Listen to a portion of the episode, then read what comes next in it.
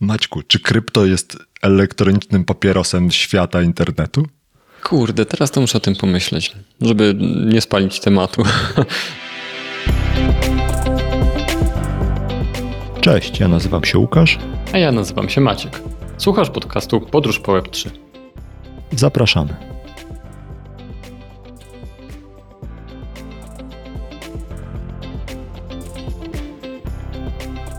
Cześć Maćku. Cześć Łukaszu. Dzisiaj mamy taki wyjątkowy odcinek, bo bez gościa, to? Tak jest, e, dawno nie mieliśmy takich prywatnych odcinków. E, udało mi się wrócić z wakacji, gdzie nie dowożą internetu taczką, więc może zrobimy dzisiaj tak, że trochę mnie zupdate'ujesz, co się w świecie działo e, podczas gdy mnie w nim nie było. No, dobra, możemy tak zrobić. Niech będzie, co? Niech tak będzie. Znaczy, nie wiem, czy to będą super świeże newsy i super takie na czasie, ale wydaje mi się, że to, co się wydarzyło takiego najciekawszego w tym czasie, e, najciekawszego w sensie o jakimś takim największym potencjale z mojej perspektywy, to jest e, chyba cała ta konferencja Solany, którą zrobili w Nowym Jorku. To już było tam z miesiąc temu albo coś w tych okolicach, więc do czasu aż ktoś to obejrzy, to pewnie już będą dwa miesiące, ale to, co oni tam pokazali, to są tak naprawdę dwie rzeczy. Pierwsza to jest, oni to nazywają Solana Mobile Stack, w skrócie SMS. Chyba miało być tak, że tak, tak, że tak, tak śmiesznie z takim, takim, że wiecie, SMS, każdy wie, co to jest SMS, co? Nie, to jest teraz coś nowego, SMS to teraz znaczy Solana Mobile Stack. Jeżeli ja dobrze zrozumiałem tą konferencję, to chodzi o to, że oni tworzą jakiś kawałek Androida, który jest zaszyty gdzieś w hardwareze, który ma przechowywać Twoje klucze do portfela, między innymi, po to, żebyś nie musiał, żebyś miał bezpieczny e, jakby portfel e, i możliwość robienia transakcji z telefonu. I e, druga rzecz, do tego jest cała taka część frontendowa, nazwałbym ją, czyli to, że masz sklep z dapkami, czyli zdecentralizowanymi apkami, które możesz przeglądać przez telefon i to wszystko jest mobile friendly i tak dalej. I teraz to jest po to, żeby e, producenci smartfonów z Androidem zaimplementowali to, dołączyli to hardware'owo, software'owo do swoich telefonów e, i żeby dzięki temu przybliżyć użytkownikowi, który korzysta głównie z mobila, to, żeby mógł sobie korzystać z rzeczy solanowo-blockchainowych. I to jest pierwsza rzecz. A druga to jest to, że jako pokaz siły i możliwości stworzyli swojego własnego e, e, Solana Fona, który nazywa się Saga i który jest e, zrobiony tam w partnerstwie z jakąś firmą, której nazwy już teraz nie pamiętam, która robi telefony androidowe. Generalnie jest takim z wysokiej półki telefonem z Androidem, który ma tam procesor, który ma 2 miliony rdzeni, 6 milionów ramu, dużo, dużo dysku. I 6 tak milionów dalej. ramów. Tak, 6, i, i tego wszystkiego ma tam bardzo dużo i to jest topowy telefon, ma jakiś tam super wyświetlacz, no i przy okazji ma wszystkie te solanowe rzeczy też od razu zaszyte w sobie. On kosztuje 1000 dolarów, czyli chyba tyle co iPhone Pro, tak mi się wydaje, jak na amerykańskim rynku, czyli jest drogim telefonem, no i trochę brzmi jak taki proof of concept tego, że da się to zrobić, że jak już się to da zrobić, to można też to zrobić w ten sposób. No i tyle. My chyba nie okazał się. Pytanie jest po co? No właśnie, o tym chciałem też trochę pogadać, bo jak na początku ten news y, jakby wypłynął, że oni te wszystkie rzeczy około mobilowe robił, robi, jakby zrobili i pokazali, to jakby wymieniliśmy chwilę y, takich wiadomości o tym, że hmm, i co z tego, no nie? I potem zacząłem się nad tym zastanawiać przez chwilę i pomyślałem sobie, że nic z tego nie będzie. Ale to nie znaczy, że. Pomyślałeś sobie jeszcze trochę dłużej, tak? Tak, potem pomyślałem sobie jeszcze trochę dłużej i dalej mi się wydaje, że nic z tego nie będzie, ale to jest ważny ruch. W takim sensie ważny, że są pierwszą chyba z tych dużych organizacji, znaczy z blockchainów dużych, który wprost nazwał to, że problemem jest używanie wszystkiego, co związane z krypto na telefonach. No bo no nie da się ukryć, że przez to, że bardzo duża część tych rzeczy około krypto jest przez przeglądarkę, gdzie masz w najprostszym wariancie po prostu dodatek, plugin, extension, jak zwał, tak zwał, który jest Twoim portfelem i w ten sposób autoryzujesz wszystkie aplikacje i wszystko to, co się dzieje wewnątrz tych aplikacji, no to siłą rzeczy to nie jest takie proste do zrobienia na mobilu. No bo jeszcze pół biedy, jak masz telefon z Androidem, no to tam prawdopodobnie w Chromie działa to analogicznie jak w Chromie na, na komputerze, ale jak masz iPhone'a, to musisz korzystać z aplikacji MetaMaska, która ma wbudowane przeglądarkę. No i to nie jest wygodne. To nie jest dobra przeglądarka. nie. Ona nawet nie leżała obok dobrej przeglądarki i nawet nigdy nie minęła jej na ulicy. To znaczy, jak nie było jeszcze przeglądarek, to może to byłaby dobra przeglądarka. Tak, no w czasach Netscape'a prawdopodobnie mogłaby się z nim bić. No, no więc e, moja konstatacja po tym drugim, dłuższym namyśleniu się jest taka, że to jest super ważne i to jest prawdopodobnie jakiś taki zapowiedź nowego trendu, czyli takiego większego sfokusowania się na tych tematach mobilowych. No, bo jeżeli ten ruch Web3 będzie się tak bardzo popularyzował, jak się na razie popularyzuje poza y, nową kryptozimą, jak pomyśleć, ile rzeczy w ogóle młodzież, młodzież, dziadem jestem, nie? Y, wiesz, ja mam tych chrześniaków, nie? Y, siostrzeńców, których widzę i obserwuję, ile czasu poświęcają swojemu telefonowi. Jeżeli wejdą zostaną zaadaptowane nowe trendy właśnie związane z Web3, które będą wymagały tych podpisów e, Twoim portfelem, to trochę ten e, user experience jest fatalny. Rozmawialiśmy wcześniej o tym, jak to wygląda w gamingu, ile trzeba się nachodzić i jakich niewygodnych operacji wykonywać, żeby zacząć grać w grę. No i teraz na tym telefonie to jest jeszcze bardziej niewygodne, więc ten trend, żeby ruszyć te skostniałe telefony jest jakby słuszny. Mam taką Akurat to się zbiegło z tym, a mówisz, że, że zaczęła się nowa faza, no to HTC wydaje teraz telefon nowy.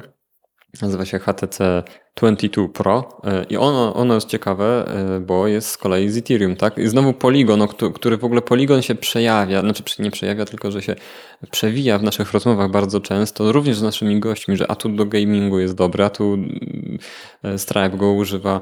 Okazuje się, że teraz wchodzi na salony hardware'owe do, do telefonów i to jest w ogóle bardzo ciekawe, czemu tak jest. No bo mm, z tych wszystkich blockchainów, no to Solana robi własny phone, a Polygon robi to, znaczy dobrze, w partnerstwie, a Polygon to robi z takim, no moim zdaniem, partnerstwem że my znamy chociaż tą nazwę, tak? Że ona, ta nazwa to HTC kiedyś była, wiesz, dostępna na wyciągnięcie ręki, była znana. To nie był taki no-name'owy hardware manufacturer, tylko to była marka taka konsumencka.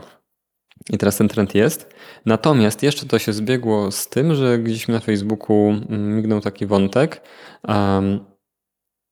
Jest w Sztokholmie muzeum, e, muzeum Museum of Failure, czyli wszystkie takie koncepty, które były nietrafione. No, firma robi dużo produktów, niektóre są super, niektóre są nietrafione, nie? Ale tam był na przykład ESPN Phone, czyli stacja sportowa zrobiła sobie sama telefon, który taki za czasów Noki, tej foldable, tam 2005 chyba rok e, i on poza tym, że mógł, że dzwonił i pisał SMS-y, to jeszcze wyświetlał ci newsy all day long, nie? Newsy sportowe. No i teraz mm, widzę tutaj pewną analogię, to znaczy masz urządzenie, które funkcjonuje jako telefon, ok, teraz już nie, bo komputer, centrum rozrywki w ogóle i centrum pracy, i widzę, że mogą być dwie opcje, czyli dobra i zła, no to jest proste, czyli albo parę telefonów się wyłoży na implementacji. Czyli jakby tak, koncept jest dobry, yy, będziemy pracować z Web3, jakkolwiek by to nie brzmiało, na telefonach więcej, bo się to wszystko mocno przenosi. I teraz albo implementacja będzie dobra, pomysł będzie dobry i to się uda, no albo druga opcja jest prosta, no nie uda się po prostu, bo to jest na przykład za wcześnie, albo ergonomia jest beznadziejna, albo cokolwiek innego. Yy, I ten ESP Phone dla mnie jest bardzo taki znamienny, że to już było. Znowu, mamy nową erę z nową technologią, ale może problemy będą te same, czyli Solano Phone będzie totalną wtopą, a na przykład ten telefon HTC poligonowy będzie lepszy, bo pracują z firmą, która zjadła zęby na robieniu telefonów. No nie jest super popularna, ale zjadła zęby, nie? Ma bagaż doświadczeń po prostu. Może wejdzie w sobie w nową niszę taką. Ale zobacz, że to jest jakby to przyrównać do jakichś innych elementów świata, to Solana zrobiła ruchy w dwóch kierunkach. To znaczy, z jednej strony zaczęła zastanawiać się nad tym, jak poszerzyć sobie dystrybucję. Czyli jakby była na przykład proszkiem do prania, to by e, zadbała o to, żeby być w Biedronce, w Lidlu i we wszystkich innych miejscach, e, bo udostępnia ten proszek, zależy jej na możliwie szerokiej dystrybucji i jakby nie do końca ma znaczenie, co oni tam zrobili i czego dotknęli. To jest paczka proszku, proszę ją wstawić na półkę, to jest najważniejsze. Z drugiej I strony, robi pralkę. I, i, wypuszcza, I wypuszcza nową pralkę teraz. Albo y, otwiera y, premium markę proszków do prania, którą możesz kupić tylko przez internet, tylko na, na ich stronie internetowej i próbuje tym zawojować też rynek, żeby nie być uzależnionym jednocześnie od wszystkich innych tam w łańcuchu dostawców, czyli tam jakiejś hurtowni, tego sklepu i tam jeszcze miliona innych osób. I to jest ten Solana Font, czyli oni go będą sprzedawać, produkować i wszystko robić sami. Mają oczywiście na tym spektakularnie pewnie większą marżę, jeżeli tam w ogóle jest jakaś marża przy tej skali, którą oni produkują. No ale generalnie chcą zaistnieć w świadomości jako producent nie no-name'owy, którego zdejmujesz z półki i nie zastanawiasz się, co jest pod spodem, ale też dla takiego użytkownika, który jest bardziej świadomy albo przynajmniej któremu chce się poświęcić czas na to, żeby coś wybrać. I trochę mi się nie wydaje, żeby to się udało. W takim sensie, że na moje oko, to oni robią ten telefon, dlatego że założyciel Solany, czy tam jeden z założycieli, jest człowiekiem, który 10 lat chyba pracował w Qualcommie, czyli robił procesory do urządzeń mobilnych. I to naturalnie rzutuje na kulturę organizacyjną, która ma ciągoty do tego, żeby robić hardware. Ciągnie wilka do lasu. Tak. I pewnie jest to jakiś element jego, nie wiem, ambicji, czy jakiś, no nie wiem, po prostu takiego patrzenia na świat, że te urządzenia zrewolucjonizowały świat. On to widział z pierwszej ręki i to tak bardzo blisko i teraz chce nie wiem, dołączyć do tej fali, czy, czy poczekać na kolejną falę.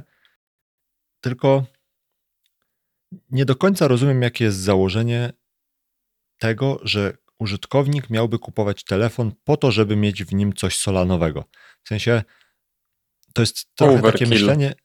No tak, ale to jest takie myślenie, jakby użytkownik wybierający swój nowy telefon z Androidem, co już odcina w krajach rozwiniętych pewnie z połowy rynku, jako główny feature tego telefonu wybierał to, że on jest solanofonem.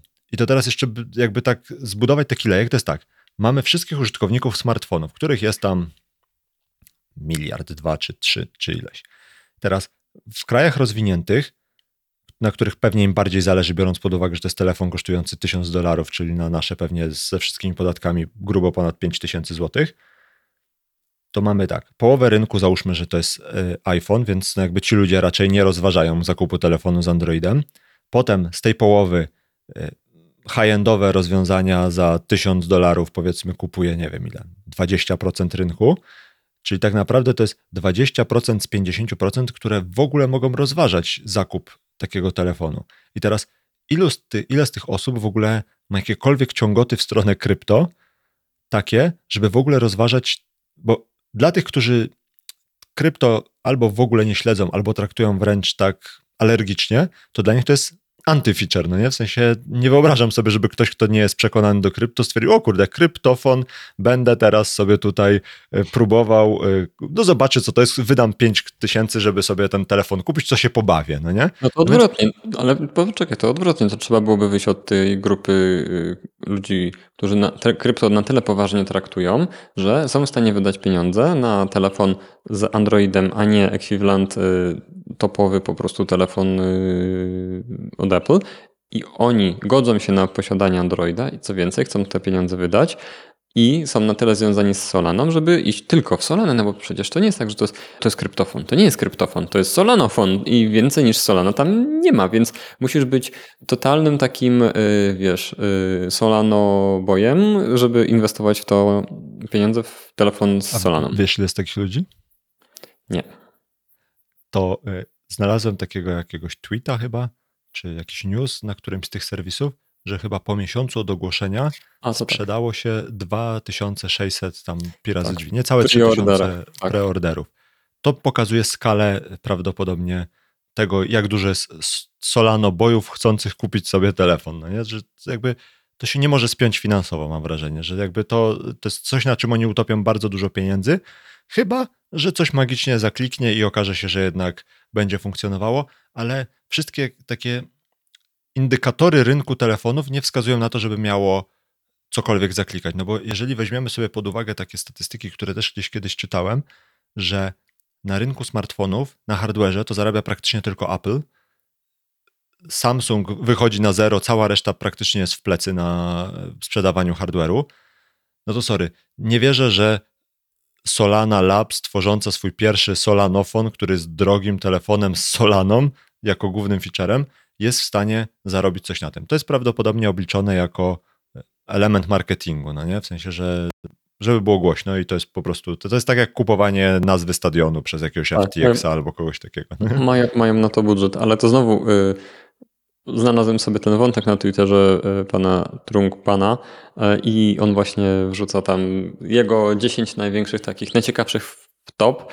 No i w topa numer dwa. em, Twitter Peak. Tweet Peak? Zaraz. Tak, dobrze mówię. Twitter Peak 2009-10 e, rok, czyli taki Wygląda to jak Kindle, czyli masz kawałek monitora do połowy urządzenia, a poniżej masz klawiaturę. I to jest urządzenie do, służące do czytania tweetów. Nie zadzwonisz, nie masz przeglądarki.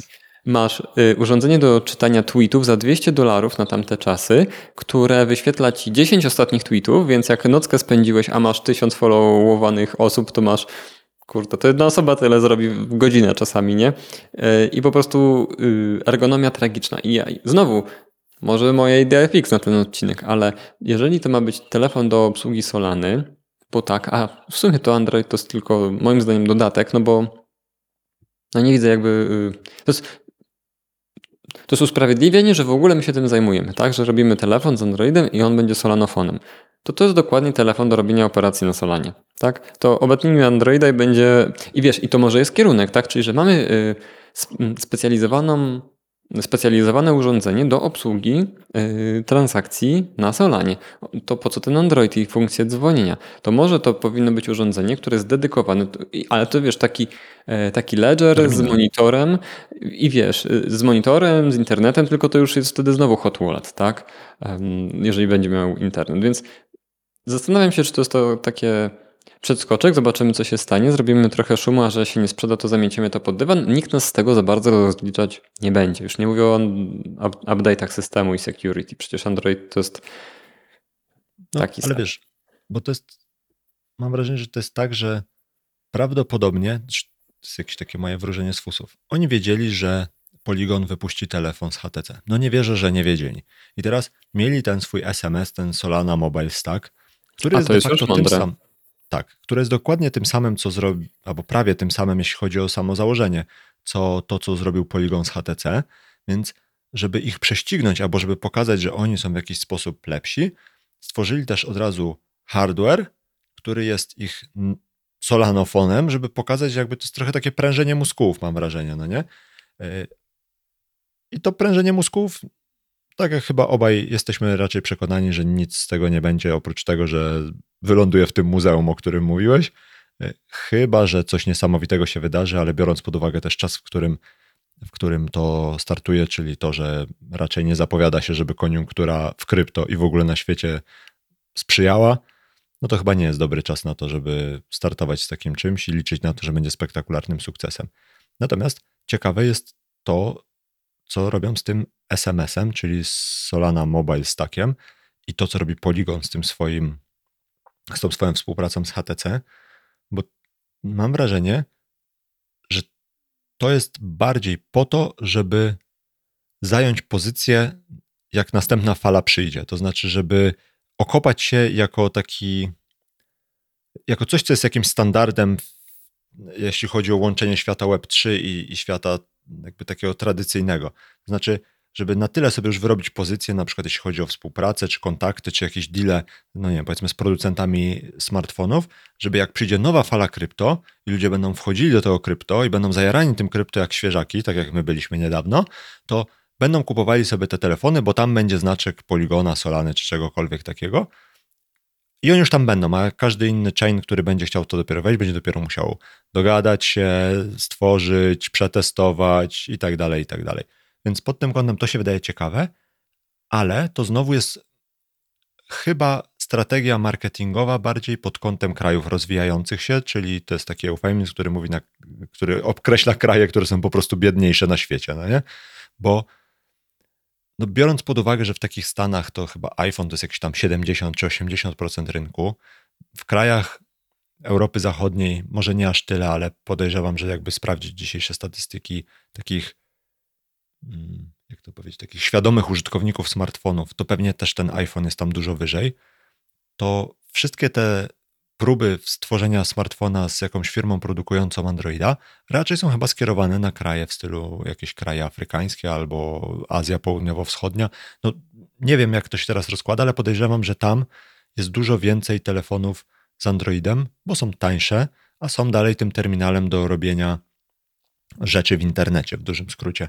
I może to jest taki ich pomysł na to, żeby w jakiś sposób podbić statystyki tego, że mają tylu userów, tyle walletów i tyle tego wszystkiego, że sprzedadzą te smartfony, które będą tam miały gdzieś zaszyte, bo to będzie smartfon chińskiej firmy za 300 dolarów, któremu w sumie wszystko jedno tam będzie w środku, to i tak nie ma większego znaczenia. Będzie tam to. Każdy z automatu będzie miał aktywowany prawie że wallet, więc taka Solana czy taki poligon pokaże, że my mamy tam nie 300 milionów walletów, tylko 700 milionów walletów, bo nasi wszyscy userzy mają coś takiego, albo liczą na to, że znowu w taki oddolny sposób w jakiś sposób zaimplementują te wszystkie rozwiązania w stylu Solana Pay, czyli te takie peer-to-peer płatności pomiędzy użytkownikami, no nie? No bo Apple tam nie wejdzie w najbliższym czasie na 99%, choćby ze względu na jakieś pewnie trudności regulacyjne. Google pewnie też może mieć większy problem ze względu na trudności regulacyjne. A kto będzie ganiał Solanę? Jak to jest chain, który gdzieś tam sobie istnieje i ludzie sobie wysłali jakieś coiny czy cokolwiek e, pomiędzy dwoma użytkownikami. No nie? Oni nie będą się specjalnie przejmować jakimś compliance'em czy czymś takim. Zrzucą to na tych, którzy będą tam, nie wiem, portfel robić czy jakiekolwiek inne rozwiązanie. Więc... Może tak być. I tu zapcha tak... jeszcze bardziej Solanę i znowu się wywali.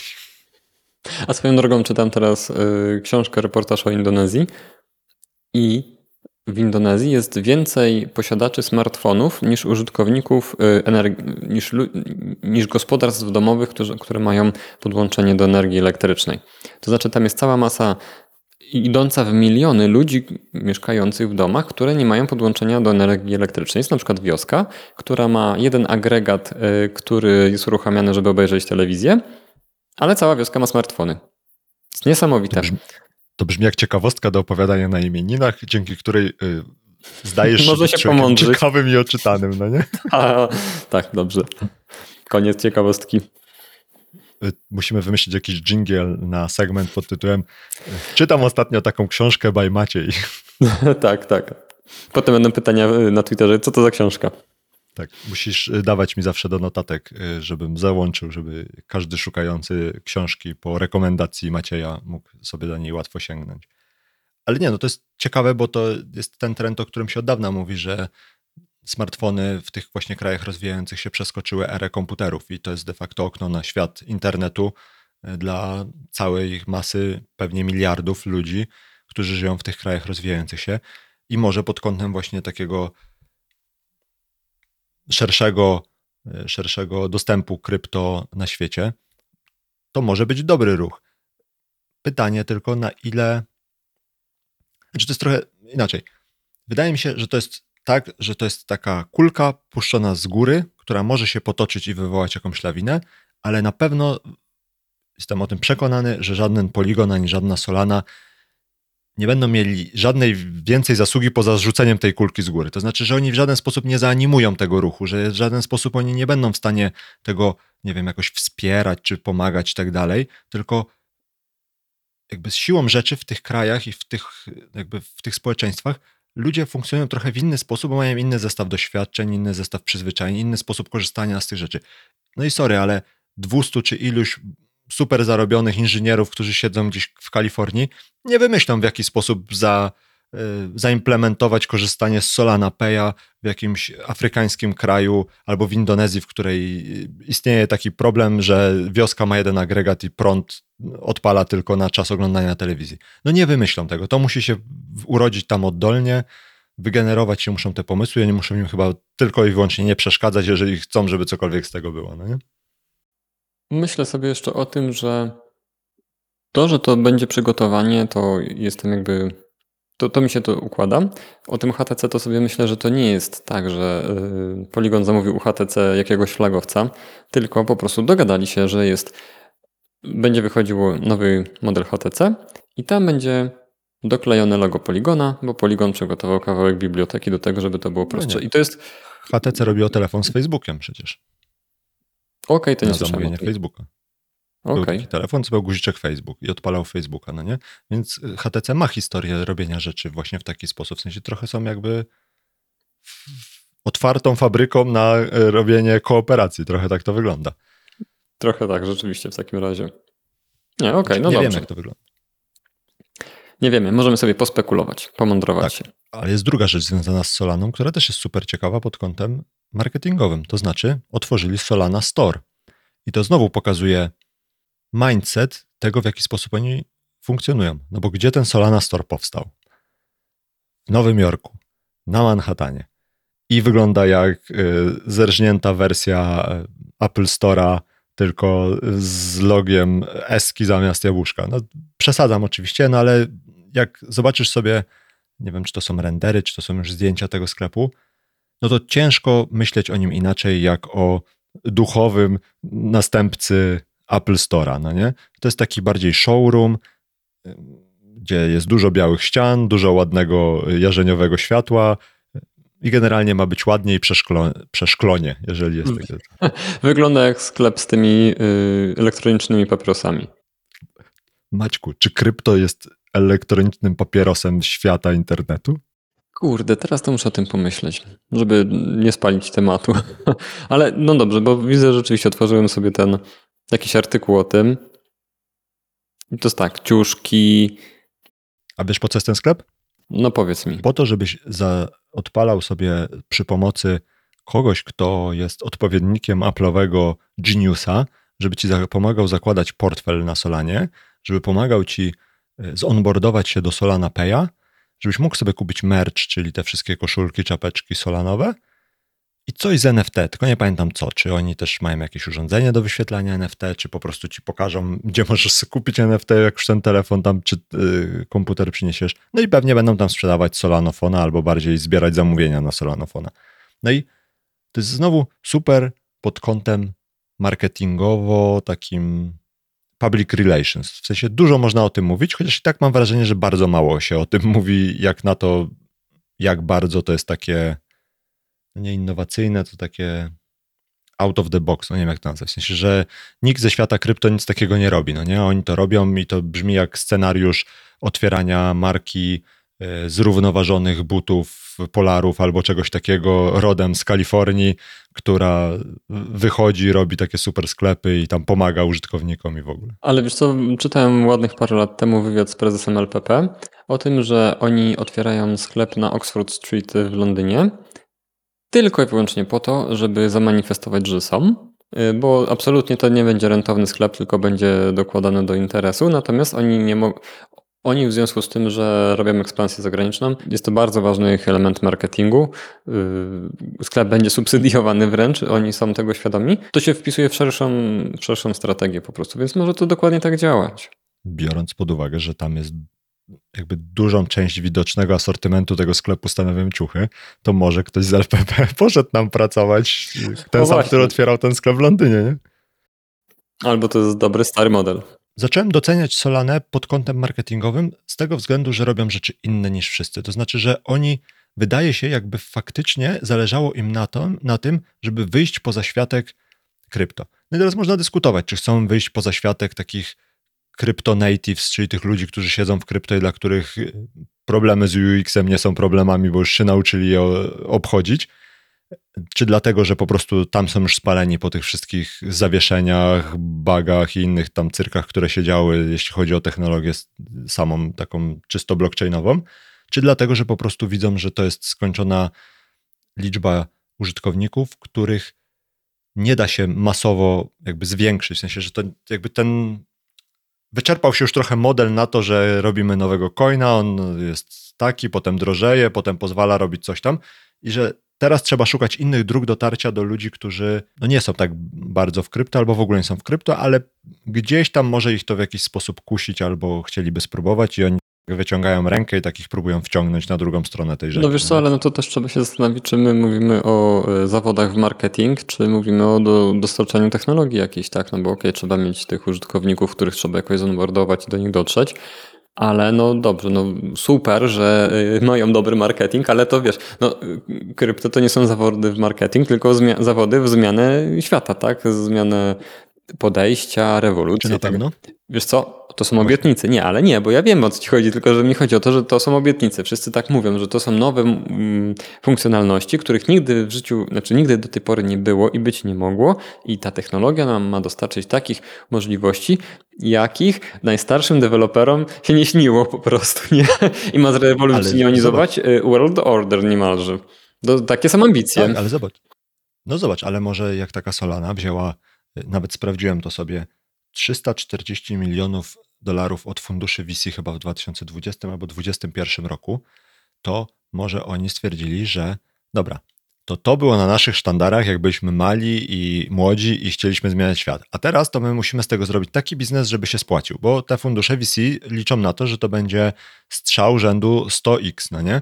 Więc co zrobić, żeby było 100x? No nie da się dla tych tam, nie wiem, ile, powiedzmy, ile ludzi może korzystać z krypto? 100 milionów na całym świecie? No wiem, ile chce kupić Solanofona. No, to, to to razy, razy 10. No nie, no ale no nie da się obracając tylko coinami i NFT-kami w tej z powrotem, nie da się wygenerować takiego wolumenu pieniędzy, który zwróci tym funduszom VC w perspektywie 10 lat, jak ten fundusz pewnie ma swój cykl życia, y, te pieniądze. Więc trzeba wyjść dalej. I może oni już mają w nosie to, czy to będzie y, nowy światowy porządek, czy cokolwiek innego, tylko mają być pieniądze. I może jeżeli pieniądze będą z tego, że będą sprzedawać koszulki, to po prostu będą sklepem z koszulkami, który ma przy okazji blockchaina, no nie? Albo coś takiego. No to jest tak jak wiesz, stacja stacja paliw zarabia na tym, że sprzedaje Jedzonko. z super marżą papierosy, alkohol i tego typu rzeczy, a paliwo to tam jest prawie że ujemna marża, no nie? I, i może to jest ten sam model, że stwierdzi, że spróbujmy w ten sposób, bo wszyscy, no, bo nie ma na świecie dowodu na to, że da się wygenerować ogromny majątek e, z samego faktu tego, że będę robił blockchain dla crypto natives.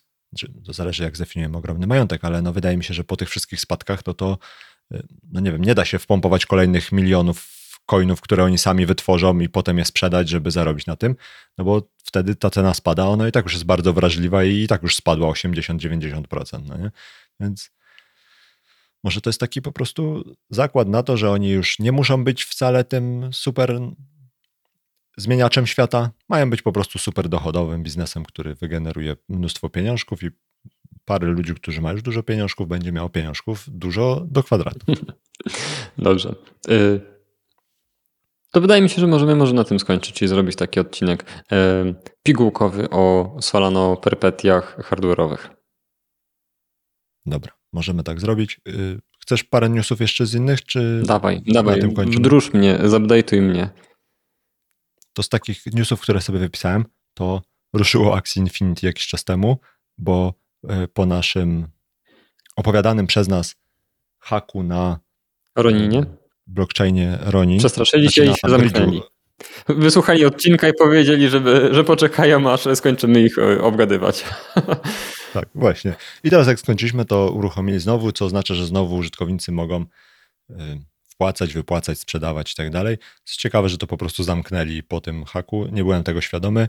No ale zamknęli i otworzyli, więc już jest znowu dobrze, ale jak się popatrzy na wykres akcji Infinity, jeśli chodzi o tam e, wolumen transakcji, czy w ogóle ilość pieniędzy, które przepływa przez to, to, to spadło tak jak krypto i jeszcze trochę, no nie?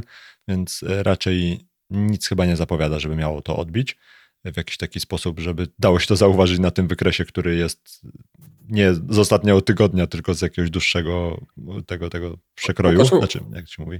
Okresu. No. Łukaszu, ale y, mówisz, że y, spadł wolumen transakcji czy obroty w, w, w dolarach, że tak powiem? Okej. Okay. Wszystko. No bo jedno to jest to, że spadły obroty, ale to jest naturalne. O to mi no chodzi.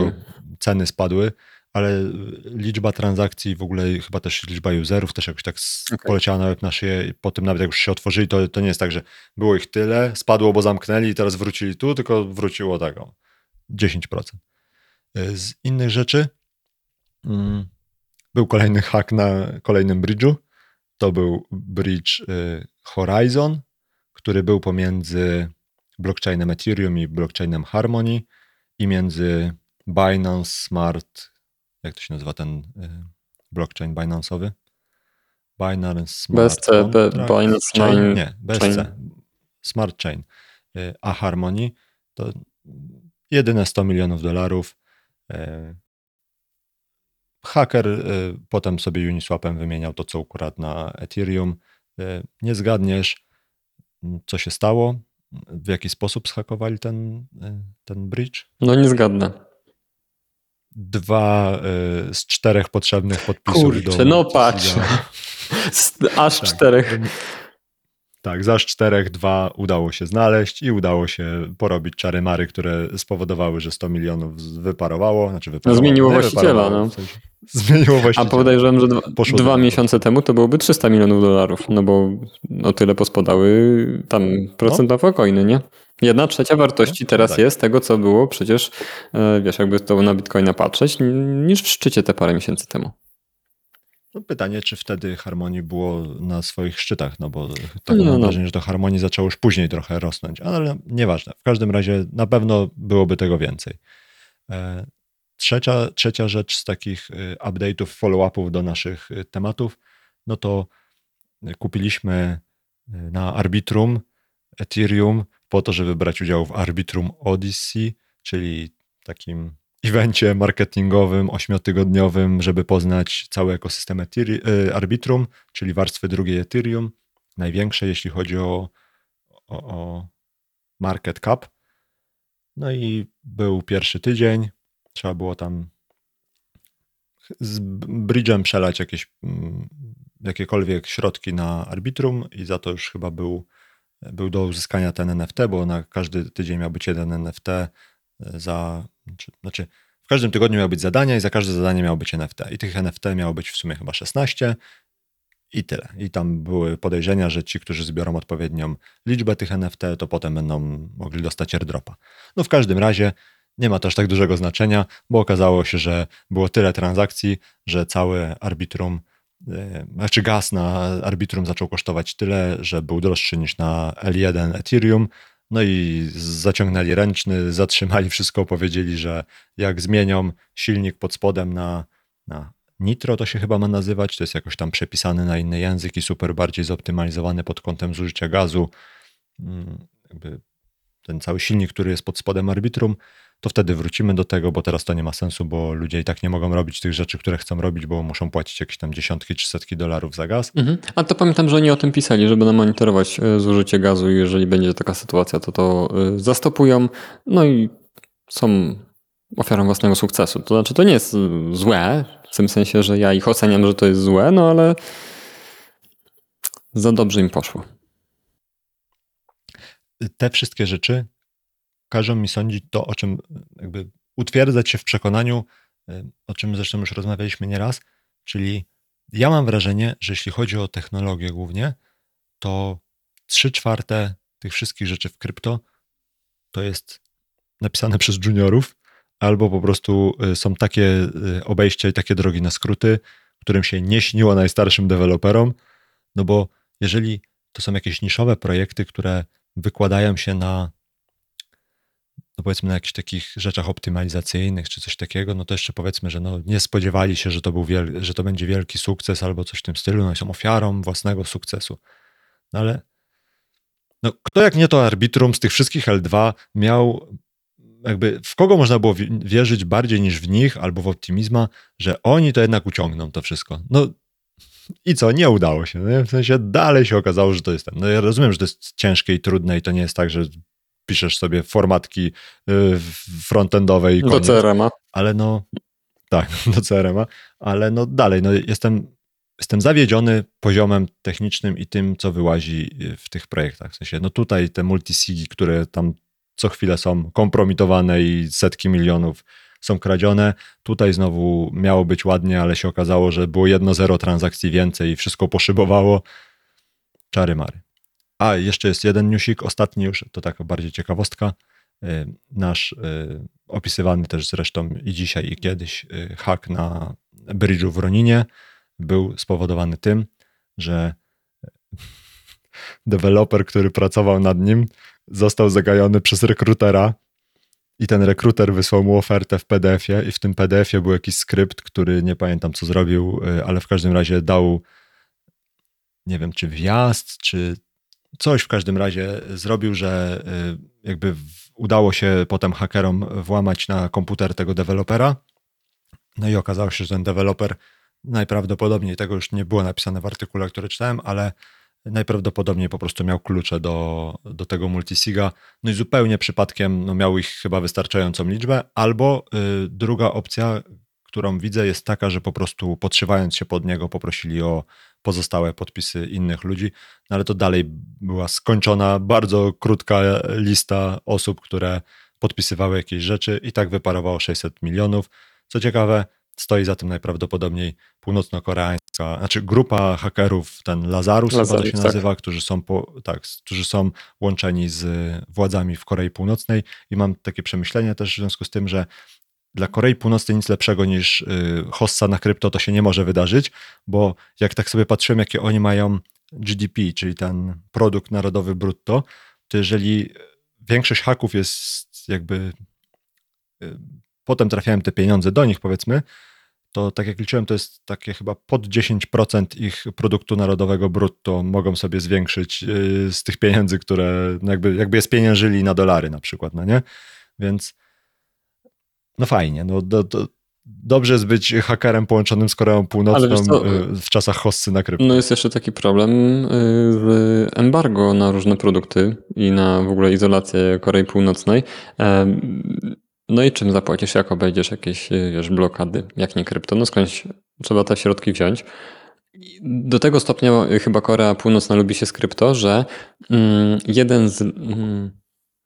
Zapomniałem, już nie chcę teraz na wizji tego sprawdzać, ale mm, ktoś poszedł do tak zwanego więźnia i to tak już definitywnie, że te 7 czy 8 lat będzie siedział w tym więzieniu w Ameryce za doradzanie Korei Północnej, jakoby się embargo, za pośrednictwem rozwiązań krypto i to było sprzedawanie sekretów. To był konsultant. To był konsultant, który był zresztą powiązany z, to był Aaron Schwartz, mm, no i to jest bardzo znana sprawa, no bo on po prostu prawdopodobnie nie wytrzymał ciśnienia związanego z presją, w związku z tym, że udostępnił te artykuły naukowe, które pobrał, no w ramach dobrej oczywiście woli. Natomiast ta osoba, o której wcześniej mówiłem, no to ona współpracowała z nim, ona była e, jego, że tak powiem, znajomym, ale teraz już tej drugiej osoby nie będę szukał. No i ona e, jest powiązana z krypto. Zrobiła na przykład taki, taką stronę, która monitorowała edycję stron na Wikipedii i sprawdzała, który, który artykuł na Wikipedii był e, edytowany przez kogo na podstawie IP. No i się na przykład okazywało, że e, załóżmy była jakaś tam katastrofa ekologiczna, taka katastrofa ma swoją stronę na Wikipedii i ktoś ją edytuje. Się okazuje, że to jest pracownik e, firmy, która dokonała, no, stała za taką powiedzmy katastrofą ekologiczną.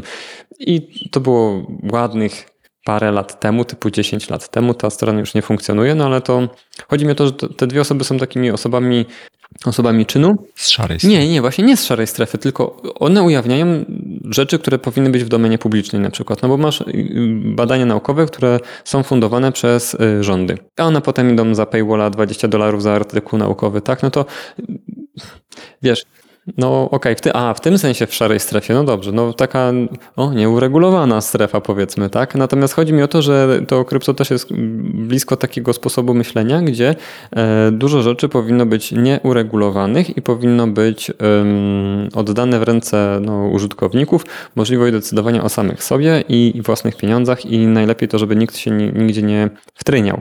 No i właśnie ta druga osoba, nie wiem z jakiego powodu, ale konsultowała się z Koreą Północną za- zapadł wyrok i siedzi w wię- w więzieniu teraz obecnie. Także to są.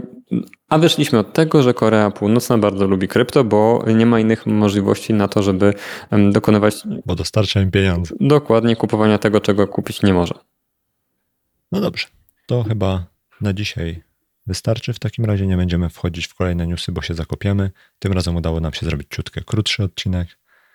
I co? Widzimy się następnym razem. Do zobaczenia, Maćku. Dzięki za wysłuchanie kolejnego odcinka podcastu Podróż po Web3.